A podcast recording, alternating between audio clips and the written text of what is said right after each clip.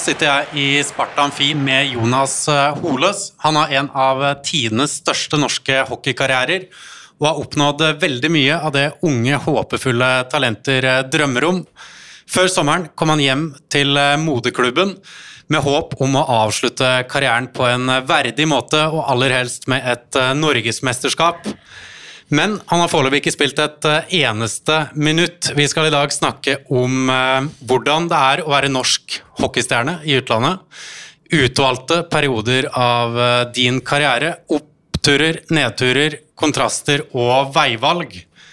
Før vi avslutningsvis går inn på hva du nå tenker om videre spill og den tiden som en dag kommer etter karrieren. 27.4 ble det presentert her med en treårsavtale. Hvordan var den dagen for deg? Uh, jeg hadde gått litt og venta på det en stund, da. Uh, for at jeg hadde hatt samtaler med, med Sjur og Henning en stund på hva som skulle skje. Uh, så klart så var det jo deilig at det kom ut, og at det endelig ble klart. Og jeg føler liksom at nå er det ja, tida for å lande litt hjemme. Og eh, liksom litt deilig å kunne komme tilbake til der man starta. Da, da ble liksom sirkelen litt slutta, håper jeg på. Uh, og så er det jo det å komme tilbake i spill, bare, da. Mm. Mm. Og så eh, det blir naturligvis mye oppmerksomhet. Hvordan er den oppmerksomheten for deg? Byens store sønn ble det brukt ord der. Nei, det er jo hyggelig at folk bryr seg, da. Og det var jo bare positiv omtale man fikk på det. Og jeg tror det var mange som tenkte at jeg kanskje skulle velge en annen klubb, i og med at uh, jeg har bodd litt i Oslo på sommeren, og, og, at jeg ikke har vært i Sparta på lang, lang tid. da. Uh, så jeg tror det var en del som ble letta, og det ble det kanskje enda mer positive omtaler. Og det er jo bare hyggelig, og det, var, det er kult å, å, kjenne litt på det. Så jeg håper at de ikke blir bitre for at jeg ikke spiller ennå, bare. Vi får håpe det, men var det aktuelt med andre norske klubber? Uh, ikke når ting ble liksom konkret at nå vil jeg dra hjem. Uh, så snakka jeg Jeg snakka med andre klubber, men det var mer sånn bare sånn Jeg skal spille for Sparta. Eller jeg har liksom en avtale med en annen klubb. Så jeg ville aldri høre på noe tilbud fra noe annet lag, rett og slett for man ikke ville bli for frista av uh, økonomiske betingelser. for hvis det var det som skulle frista meg, så kunne jeg liksom blitt i utlandet. Mm, for du hadde tilbud om å fortsette i hvert fall ett år til i Tyskland? Jeg hadde en ettårskontrakt liggende fra Köln, ja, uh, som uh, var uh, faktisk bedre enn det jeg hadde der, sånn økonomisk. Så, så, de var veldig fornøyd med det jeg presterte da på slutten. Så, så hadde jeg valgt, gått ut ifra det økonomiske, så hadde jeg blitt i Köln. Hvor vanskelig var det da å, å dra hjem? Det var veldig vanskelig. Jeg var veldig mye fram og tilbake. Uh, fordi jeg var jo skada store deler av sesongen. Kom tilbake. Uh, laget fikk et skikkelig løft når jeg kom tilbake. Uh, vi klarte akkurat sluttspill. Liksom det ble sånn skikkelig sånn positiv trend.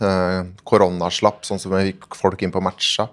Så det, liksom, hele greia var veldig positiv, da, og jeg likte meg kjempegodt i lag og i byen og hele pakka. Uh, men så var det det litt skadegreiene, og med familien og sånt, litt uvissheten som gjorde at man da valgte å ta det steget hjem. Da. Og når man først tok det valget, så var det veldig deilig. Men tror du at du hadde kommet hjem hvis det ikke var for eh, skadebiten der?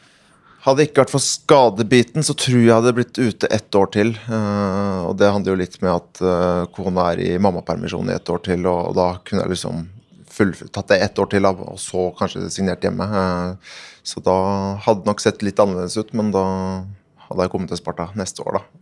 Og skadefri, så kanskje enda bedre. Mm.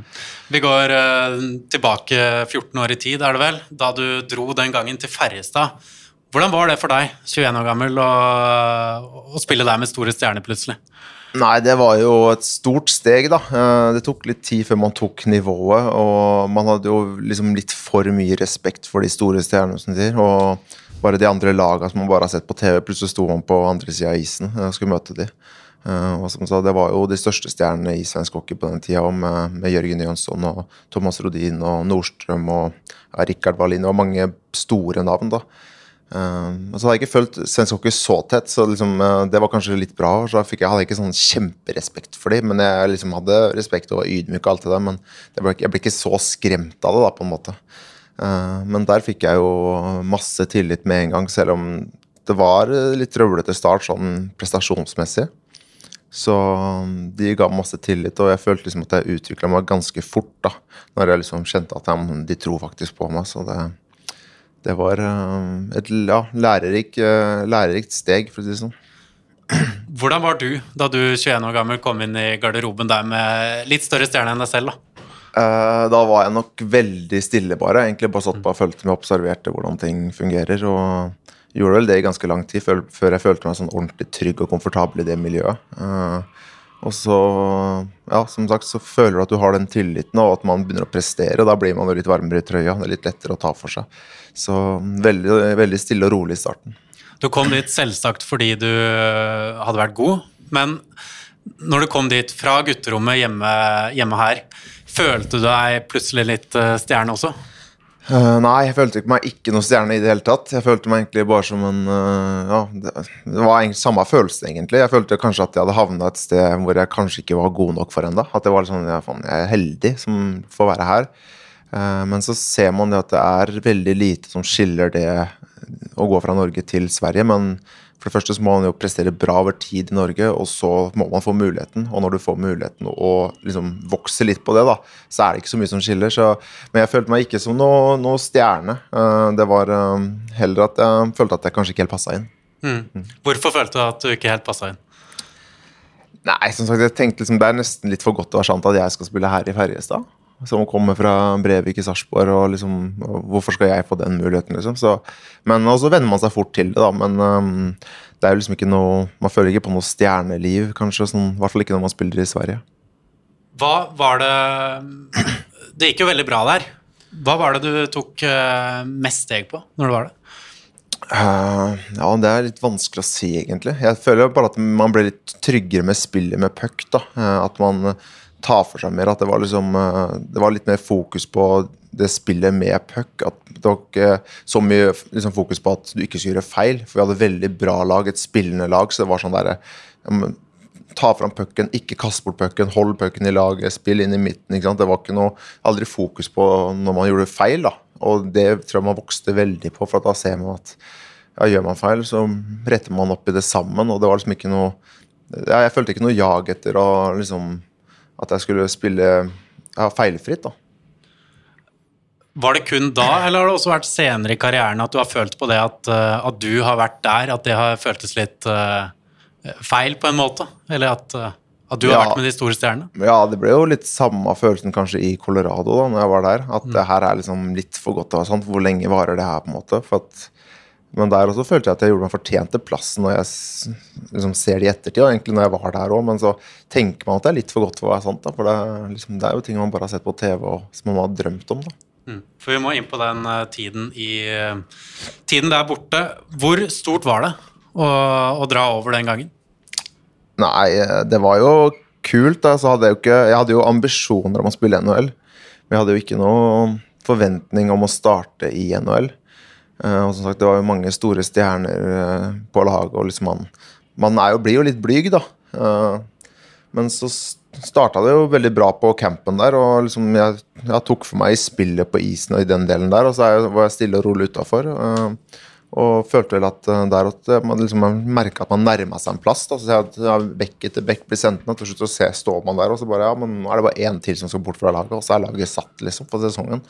Um, eller for første seriematch. da. Ja. Uh, og da skjønte jeg at det her er jo fullt mulig. For jeg følte at jeg var bedre enn andre som satt på andre sida. Men man blir jo veldig usikker, for man skjønner, de sier jo ikke noe. Og det er veldig sånn kynisk, og det er ikke noe Det er en som sier de skryter av alle, men de gir liksom ikke noe ærlig feedback, da. Var det vanskelig å gå og kjenne på det, den usikkerheten? Uh, det var veldig vanskelig. Det var det vanskeligste med den tida. Uh, for jeg vet ikke, jeg tror jeg var opp og ned mellom Colorado og Cleveland seks, syv, kanskje 80 ganger. Uh, og bodde på hotell hele tida. Og da var det å pakke alt man hadde med seg da, for en full sesong og reise. Og innimellom så var det bare for én dag. Andre ganger så var det for et par uker. Men det var liksom Det der var uh, veldig Det tok på ganske mye mentalt. da Altså aldri vite hvor man skulle være igjen i morgen. Ja. Da du kom dit, da, i garderoben som måtte snakke amerikansk og fortsatt ganske ung, hvordan var det? Nei, det var jeg ikke så komfortabel med. Uh, engelsken var vel veldig begrensa. Uh, og det kom seg jo ganske fort, så klart, men uh, det å liksom, snakke høyt i garderoben på engelsk, det, var, det, holdt jeg meg unna, holdt jeg på å si. Ja. Det var, jeg var ikke så komfortabel med det.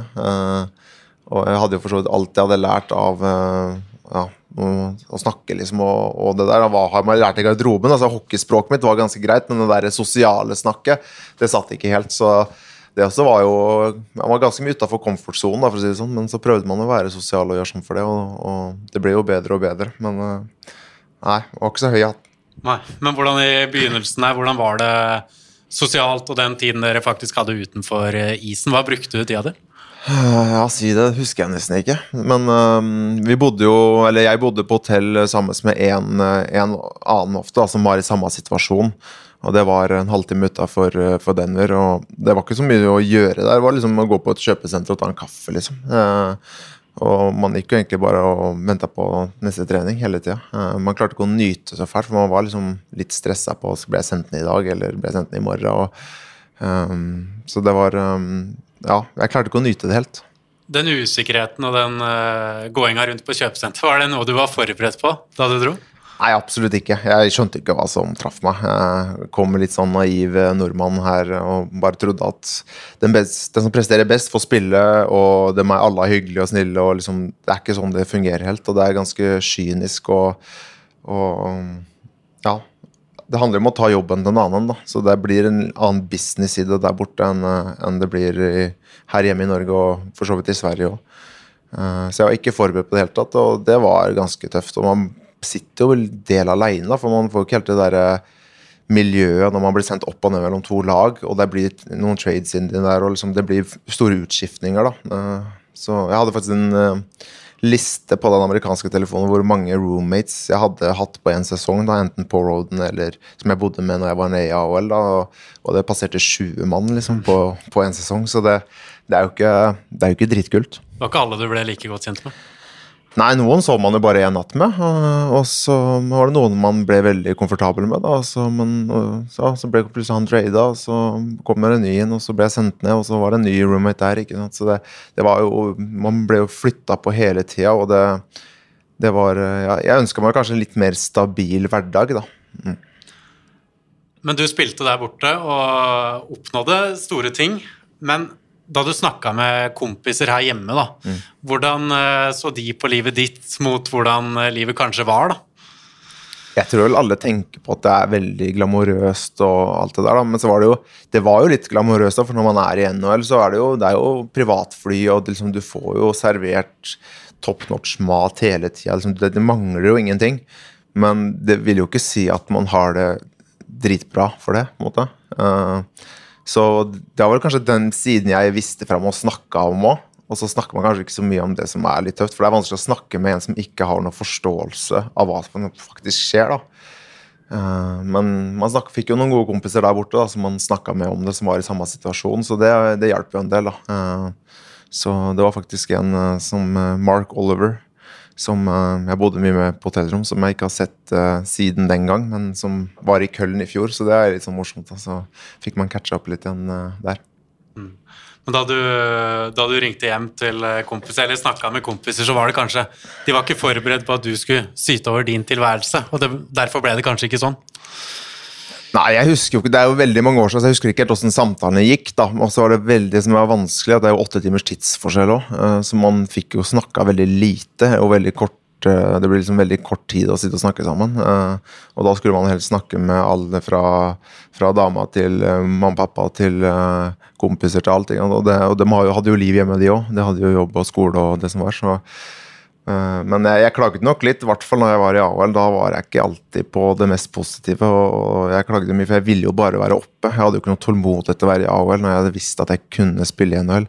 Men der kommer litt den business-greia inn. og Det var jo andre bra spillere som jeg konkurrerte mot, men eh, jeg hadde ikke noe tålmodighet til det. Og da, da ble det nok en del klaging. Du snakka om kynismen uh, innad i laget med de du konkurrerte mot. Påvirka det sosiale relasjoner? Nei, det føler jeg ikke. Jeg føler at uh, de jeg konkurrerte mot, uh, var veldig ålreite folk. Uh, så det gikk egentlig ikke utover det. jeg tror det hadde vært verre hvis jeg hadde gått inn og tatt plassen fra, fra en veteran som har vært der i mange år. da. noe som faktisk litt skjedde, men var, Adam Foot var jo der. og var, var mye skada og ble liksom lenge ute fra skadeavbrekka, Men jeg tror han følte sjøl at liksom han kanskje ikke presterte på det nivået han uh, hadde gjort uh, tidligere. da, Og ja, hadde litt problemer, så da fikk man liksom litt tatt plassen hans litt. Da, uh, og da åpna det seg for plasser for to rookier. da, Og det gjorde vel kanskje at det var lettere å ha en bra stemning. At det, var, det, det gikk utover noen andre enn oss rookiene som, som fikk spille. Vi må også snakke om, om, det positive der borte, for du spilte jo faktisk i NHL. Hva var høydepunktet? Uh, ja, det er vanskelig å si. Høydepunktet var sikkert første kampen. Bare det liksom, Nå har jeg fått første kampen. Uh, og så husker jeg Da fikk jeg jo starte uh, Var i starting lineup der, og mot Islanders borte. Og så, Man er jo overtagga, liksom, og man, vil jo liksom, man er på og ganske nervøs, og alt sånn, og med en gang pucken går, og da kaster begge ytterforwards hanskene. Liksom, man begynner å fighte, og jeg bare hva, hva skjer nå?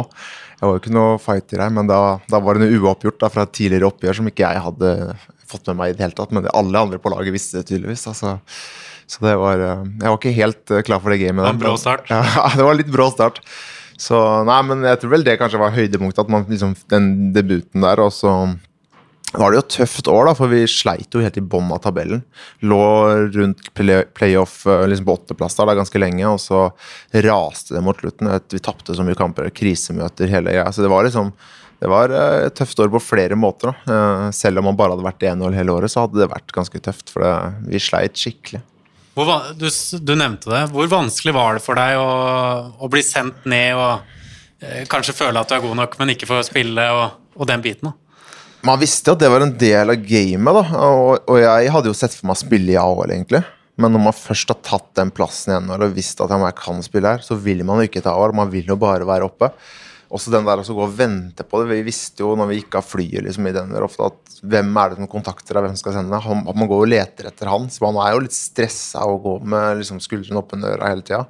For det er jo litt um, Ja. Nei, det, det, var skikkelig slitsomt, akkurat den biten der. Og så, men samme man var i Arla, så gikk man lett etter han som skulle sende deg opp. ikke sant? Så, og Spilte man en dårlig match i Arl, så tenkte man at nå var det lenger unna. og lenger, Så plutselig kom det en skade, og så var han opp igjen. Så det gikk jo veldig fort. Men um, det var, eh, det var litt slitsomt, det der. altså. Så det hele dreide seg i stor grad om eh, frykt for å bli sendt ned og håp om å komme opp, da? Det er mye ikke det. Eh, og så prata vi ofte om liksom, Når spillet hadde prestert dårlig. så, ja, nå, det, sånn, liksom, nå, må jeg få sjansen, liksom. Sånn gikk ofte praten. Men det er, det er, jo ikke, det som styrer det. Det er ofte businessen bak. og det sier jo mye, for jeg endte jo opp på, på 39 kamper. Og det var jo ikke tilfeldig lenger, det var jo for at jeg hadde matchbonus på 40. Og da kommer businessen inn og bare Ja, men da, da, er han ferdig for året, ikke sant. Så det er jo så kynisk er det da at um, hvis de ser um, muligheten til å spare noe penger eller fucke litt med huet ditt, så gjør de det. Ja. Det endte med at uh, du brøt kontrakten, eller kontrakten ble brutt. Mm. Um, den avgjørelsen, eller det, de samtalene, hvor vanskelig var det? da? Uh, det var ikke så veldig vanskelig, egentlig. Uh, for jeg hadde bestemt meg litt sånn på forhånd at hvis, hvis jeg kom bort der Det var signert ganske mange på enveiskontrakt på sommeren. Og det var ofte spillere som jeg følte at jeg var fullt på høyde med. Uh, og ganske mye yngre enn, så jeg tenkte at da vil det jo gi meg en mulighet. Men når det, jeg husker ikke, jeg tror var åtte eller ni på enveiskontrakt, og da ser man at her blir det tøft å ta en plass. Så jeg hadde bestemt meg litt på forhånd at jeg, uh, hvis de liksom sender meg ned med en gang, så vil jeg se etter noe annet.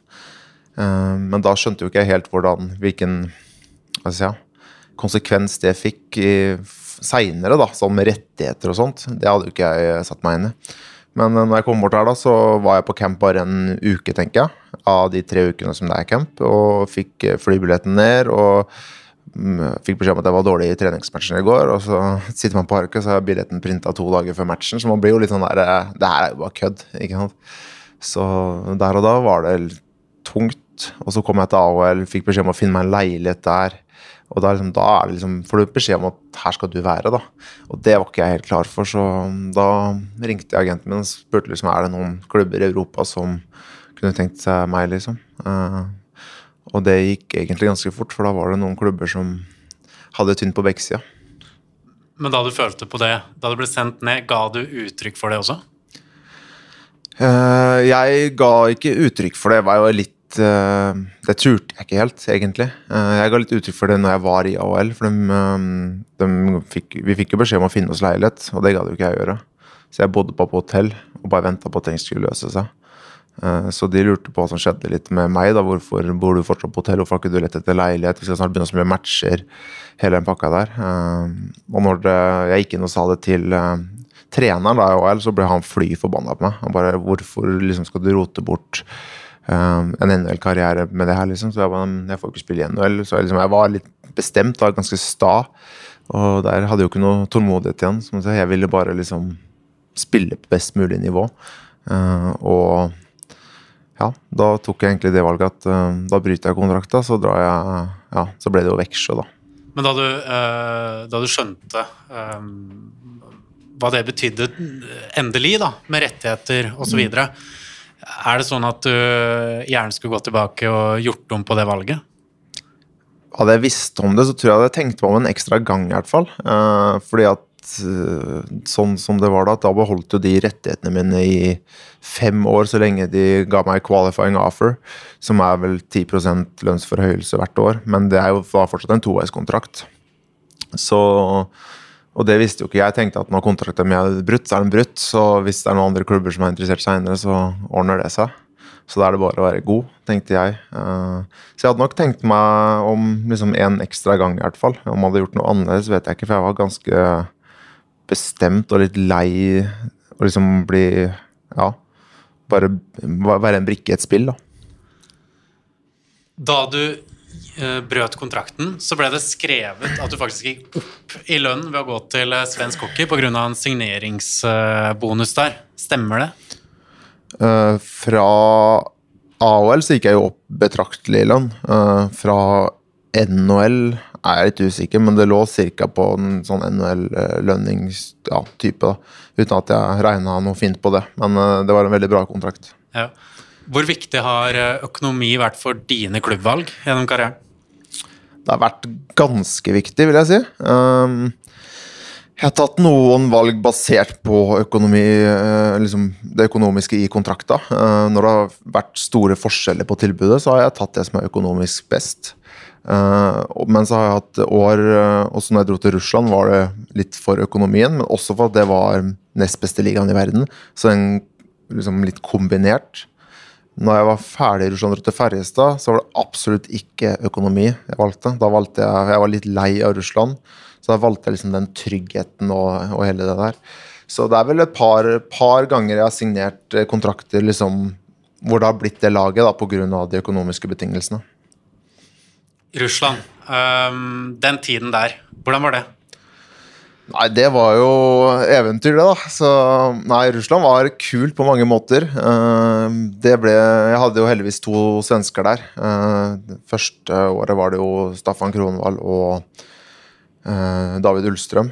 Og så kom Martin Tørnberg andre året. Så vi var helt, jeg hadde hele tida to svensker liksom, å sitte og snakke med og ha det sosiale med. Satt og spilte kort og sånn der.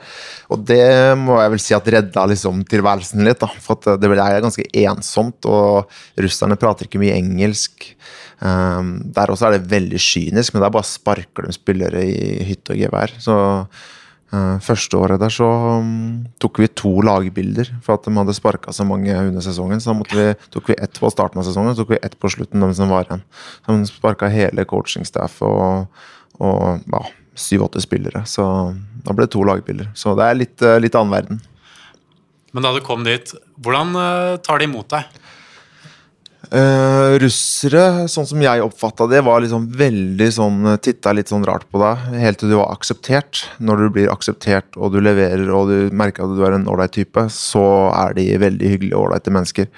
Uh, det som gjør det litt vanskelig, er jo språket, da. Uh, så jeg følte meg veldig velkommen, og at folk respekterte meg. Og, og det var um, sånn i, rundt hockeyen og det der, det, hadde jeg det veldig fint, egentlig.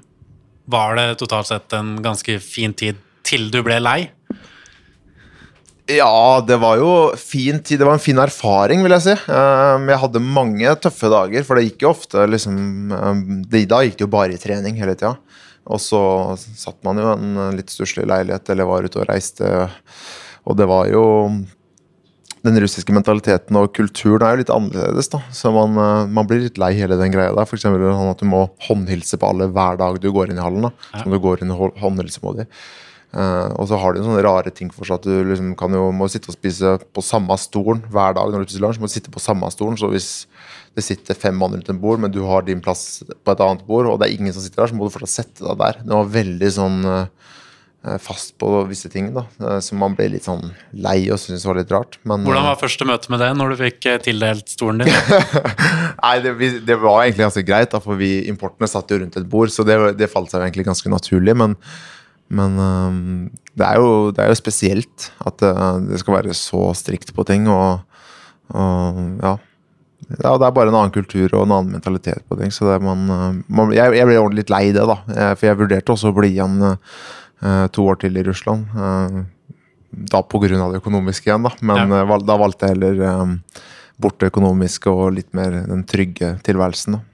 Men det ble litt reising i Russland også. Hvordan var det? Og det er jo ikke korte turer?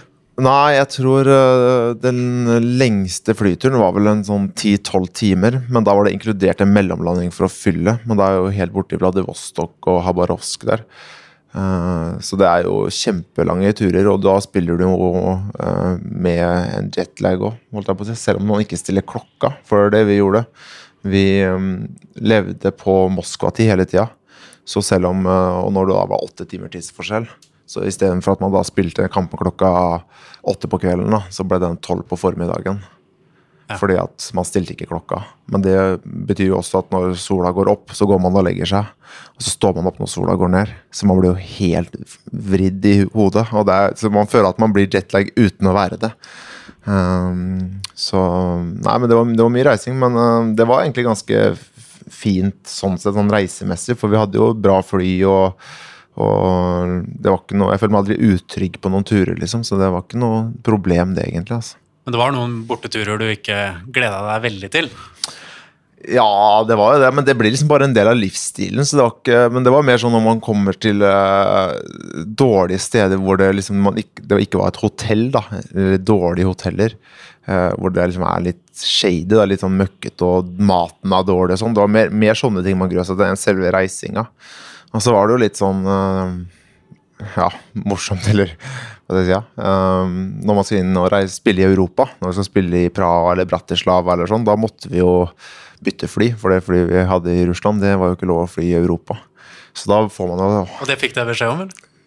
Ja, eller vi spurte hvorfor vi skulle bytte fly. Så bare nei, men det her er ikke tillatt i Europa.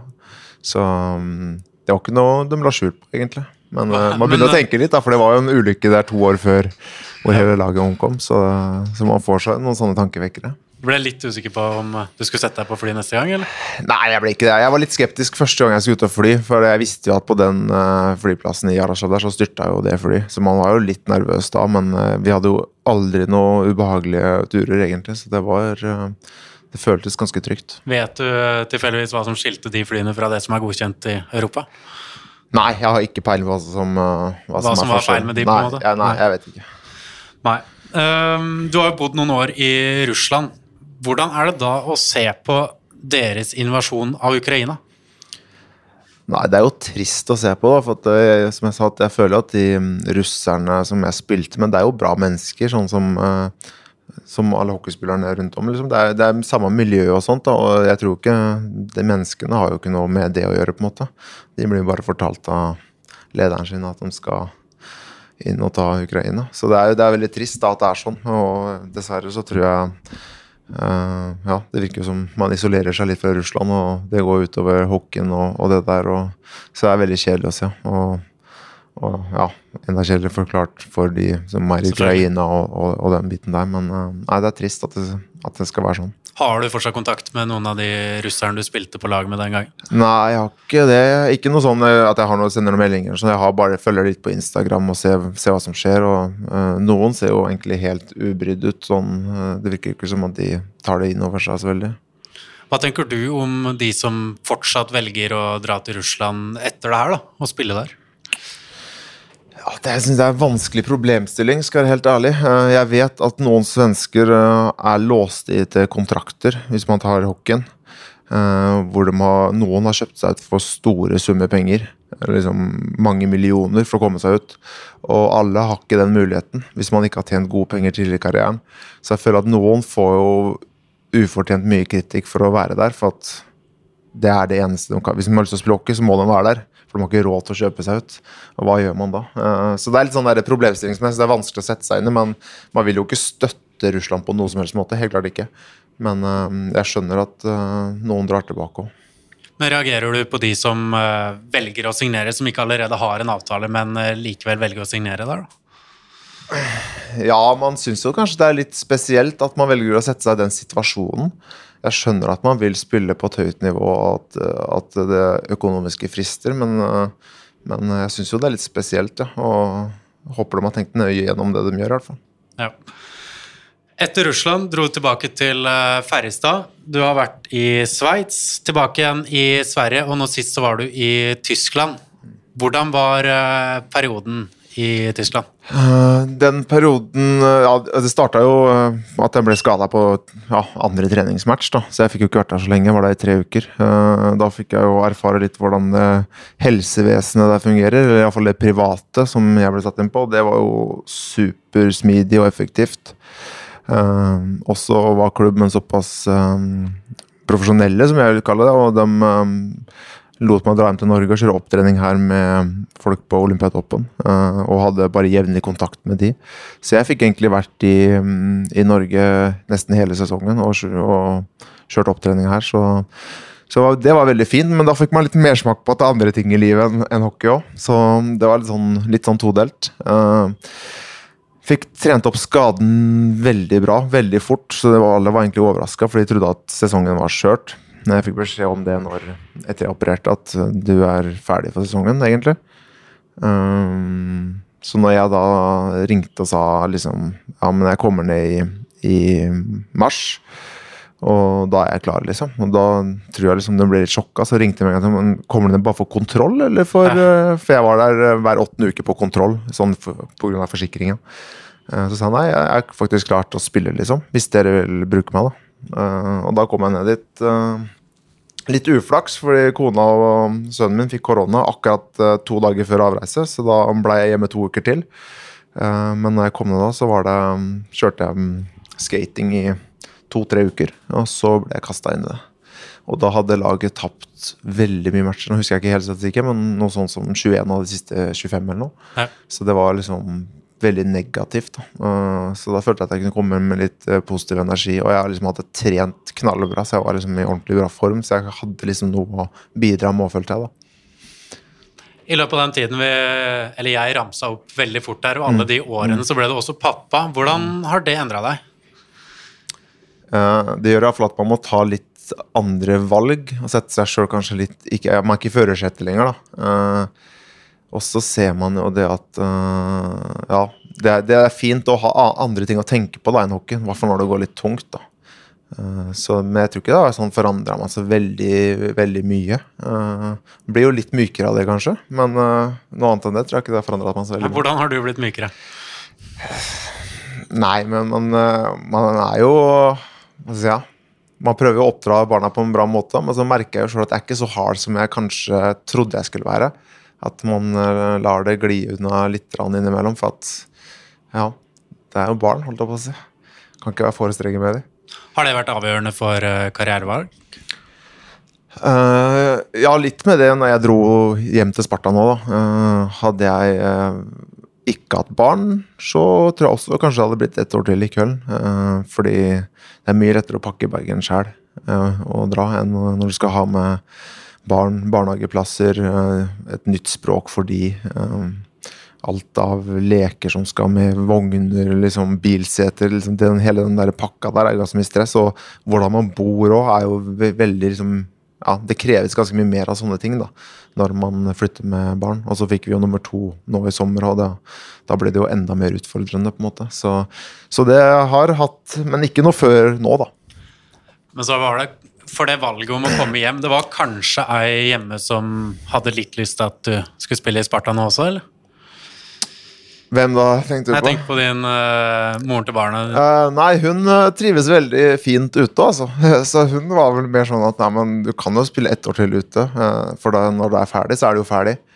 Hun trives veldig bra med det, og hva skal jeg si, hun veldig flink til å tilpasse seg og liksom fylle dagene sine uansett hvor, hvor vi har vært. Da. Så hun trives med det og syns at det har vært veldig fint. Eh, og bare sånn når vi var i Russland, så gikk hun og lærte seg russisk. liksom sånn, Hun, lær, hun klarte aldri å lære seg språket helt, men hun tok eh, russisk to timer om dagen. Så liksom, hun klarer alltid å fylle dagene med ting, og det gjør jo at det er veldig mye lettere for meg òg. Hva tenker du om den, eh, det at hun har vært med deg på alt det her, og alt hun på en eller annen måte har uh, satt til side selv da, for å være med? Ja, hun altså, har jo ofra veldig mye for min del, så det er jeg jo veldig, veldig glad for. for det, Å være rundt alene. Jeg var alene i fire år, hvor hun var jeg og jobbe. Og det blir ganske mye mer ensomt når man er alene, for man orker jo ikke alltid å henge med de man spiller med. For ja, henge med arbeidskompisen sin hver dag, det blir, blir litt lei, det òg. Så, jeg setter veldig stor pris på det at hun har uh, ofra litt eh, av sine ting da, for å, for å bli med. Eh, og så tror jeg også hun syns det har vært veldig kult på, på veien, da. For at, eh, man opplever jo veldig mye, og veldig mye som man ikke mange andre ikke har mulighet til å oppleve. da. tenker vi må snakke litt landslag også. I løpet av uh, igjen den perioden bare ramsa opp kjapt her, så ble du landslagskaptein. Hvor uh, stort var det å få det ansvaret? Det er jo Ja, det var jo veldig kult. Det setter jeg veldig høyt, faktisk. Sånn at uh, man fikk uh, Ja, det var Petter Thoresen som ringte meg. da, bare, um, Jeg ser for meg deg som landslagskaptein. Så det, det blir man jo litt sånn man, Jeg forventa det ikke helt, men jeg skjønte at jeg var kanskje en av kandidatene til å, å få det. Men jeg trodde kanskje ikke helt på det heller. Men eh, det er noe jeg setter veldig høyt, og setter veldig pris på at jeg fikk, fikk den rollen. Er det en Vi kan ta landslaget òg. Det har kommet en ny, ny trener, eh, Ja. Tobias Johansson. Hvor mye har du snakka med han? Jeg, jeg har snakka en del med han, eller litt. grann. Um, Vi hadde et sånn Beck-prosjekt for, um, for utvikling av bekker her i fjor sommer. Som jeg satt en del og prata med så det var jo ikke som hovedtrener for, for landslaget. Og så hadde jeg en samtale med nå som han ble ansatt. da, Bare sånn forventninger og liksom hva Ja, om jeg har lyst til å være med videre, hele den pakka der, da. Eh, Så um, jeg har snakka litt med han, og, og ja. eh, Men um, kjenner han ikke sånn veldig godt ennå, men vet litt hvordan han, vil- type han er, da. Har du lyst til å være med videre? Jeg har sagt at jeg har lyst til å være med videre hvis, hvis de vil ha meg med. Jeg føler fortsatt at jeg kan bidra. Eh, litt vanskelig å si det akkurat nå, for det er så lenge som man har spilt. Ja. Men, men jeg tror hvis jeg klarer å komme opp på nivå og liksom bli Kanskje ikke smertefri, men at kneet fungerer bra, da, så tror jeg fortsatt det kan bidra. Og ut fra det du sier, så skjønner vi jo at uh, du har jo ikke du har ikke tatt noe valg om å legge opp, eh, i hvert fall. Hva er det du nå tenker om eh, videre spill? Akkurat nå så er man jo er i en bra periode, da, som har vart ja, en uke eller to, hvor ting flyter på ganske bra. Jeg har fått liksom, positive tegn på at ting blir bedre. Men før det så sto det jo stille i godt over en måned, så da blir man jo, begynner man å tvile litt. Og så vet jeg at skadene er av det omfanget at uh, det er det som kommer til å liksom være si, Det er det som kommer til å gjøre at jeg må legge opp da, til slutt. Og om det da blir nå, eller om det blir om ett år eller to år eller tre år, det, det vet jeg ikke ennå. Men uh, jeg skal få gjøre alt jeg kan for å komme tilbake, og jeg gir meg i hvert fall ut sesongen på det, da. Du gir ut sesongen uh, uansett om du ikke spiller et eneste minutt? Ja. Ja. Da, men da etter sesongen så må jeg jo ta en runde, da, hvis jeg ikke har spilt et eneste minutt. For da, da har jeg spilt ti kamper på to år, og da skjønner man jo sjøl litt hvor, hvor det bærer hen. Det går én vei da, i, i så fall. Ja, det, det gjør jo litt det, da. For det, man, hadde man vært øh, yngre, så hadde man jo kanskje klart å holde den motivasjonen med treninga oppe, og liksom at man ser at man har ti år igjen å spille. Mens hvis jeg ikke Den motivasjonen er jo veldig vanskelig å holde oppe når man ser at det er så langt fram i tid de kampene kanskje kommer. Nå har jeg holdt øh, bra trykk øh, fram til nå, og skal klare å holde det trykket i hvert fall ut sesongen, men så mye lenger enn det går liksom ikke. For det, det, det går utover kvaliteten til slutt. Når ser du for deg at du potensielt kan være tilbake i spill? da?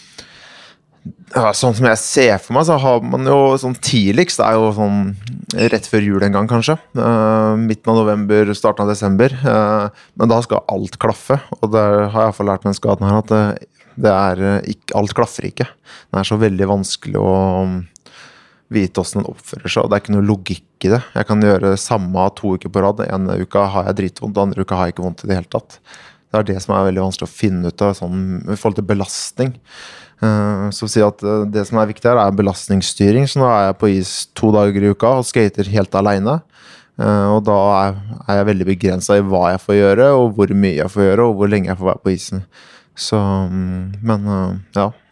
Kan du si litt om de smertene du kjenner på? Hvordan, hvordan utarter det seg? Uh, når jeg går på isen, sånn, uansett om det er en bra eller dårlig så er det kne ømt. da. Det er sånn tar litt tid å komme i gang. Uh, på en bra dag da så slipper det litt, sånn at jeg føler at jeg har kontroll. På en dårlig dag så føles det ut som man uh, har uh, en som sitter med en akupunkturnål og, og så trykker på triggerpunkt inn i kneet. Så det, musklene slipper, og, og man ja, mister kontroll over bevegelsen. Jeg får feil vinkel i skøytegåinga, og liksom, det forplanter seg litt opp i hofter og rygg og hele bakka. Så da er det Ja, da til, også til slutt da, så klarer jeg ikke å gå. Da blir den nåla føles som en kniv til slutt. Da.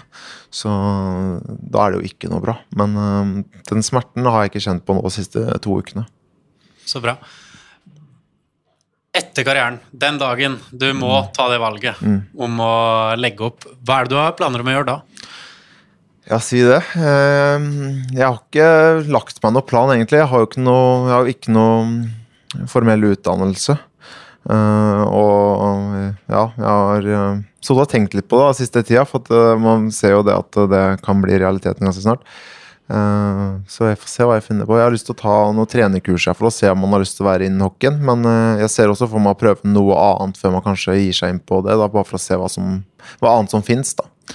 Så har jeg vært med på sånn um, tredagersprogram med Olympiatoppen som heter Neste steg, hvor det også hjelper deg litt i den overgangen. da, uh, Og forbereder deg litt på hva, hva, man kan gjøre og ja, hva man kan gjøre for å bli synlig da, for andre typer arbeidsgivere. Så, så, det er vel noe man kommer til å jobbe med litt neste år, tenker jeg. Har du noen tanker allerede nå om uh, hva det eventuelt kan bli, hvis ikke det blir noe innenfor hockeyen?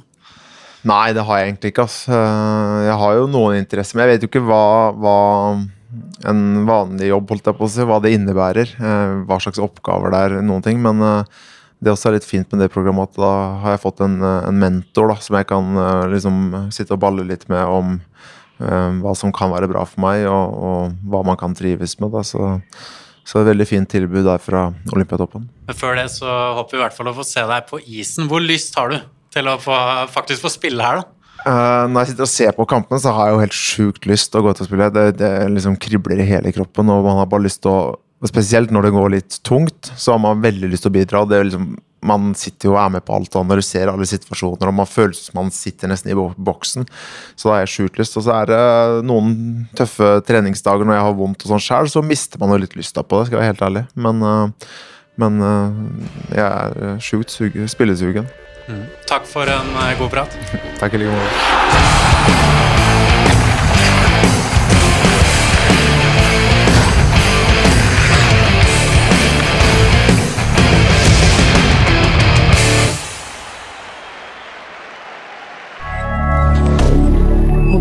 rien de rien.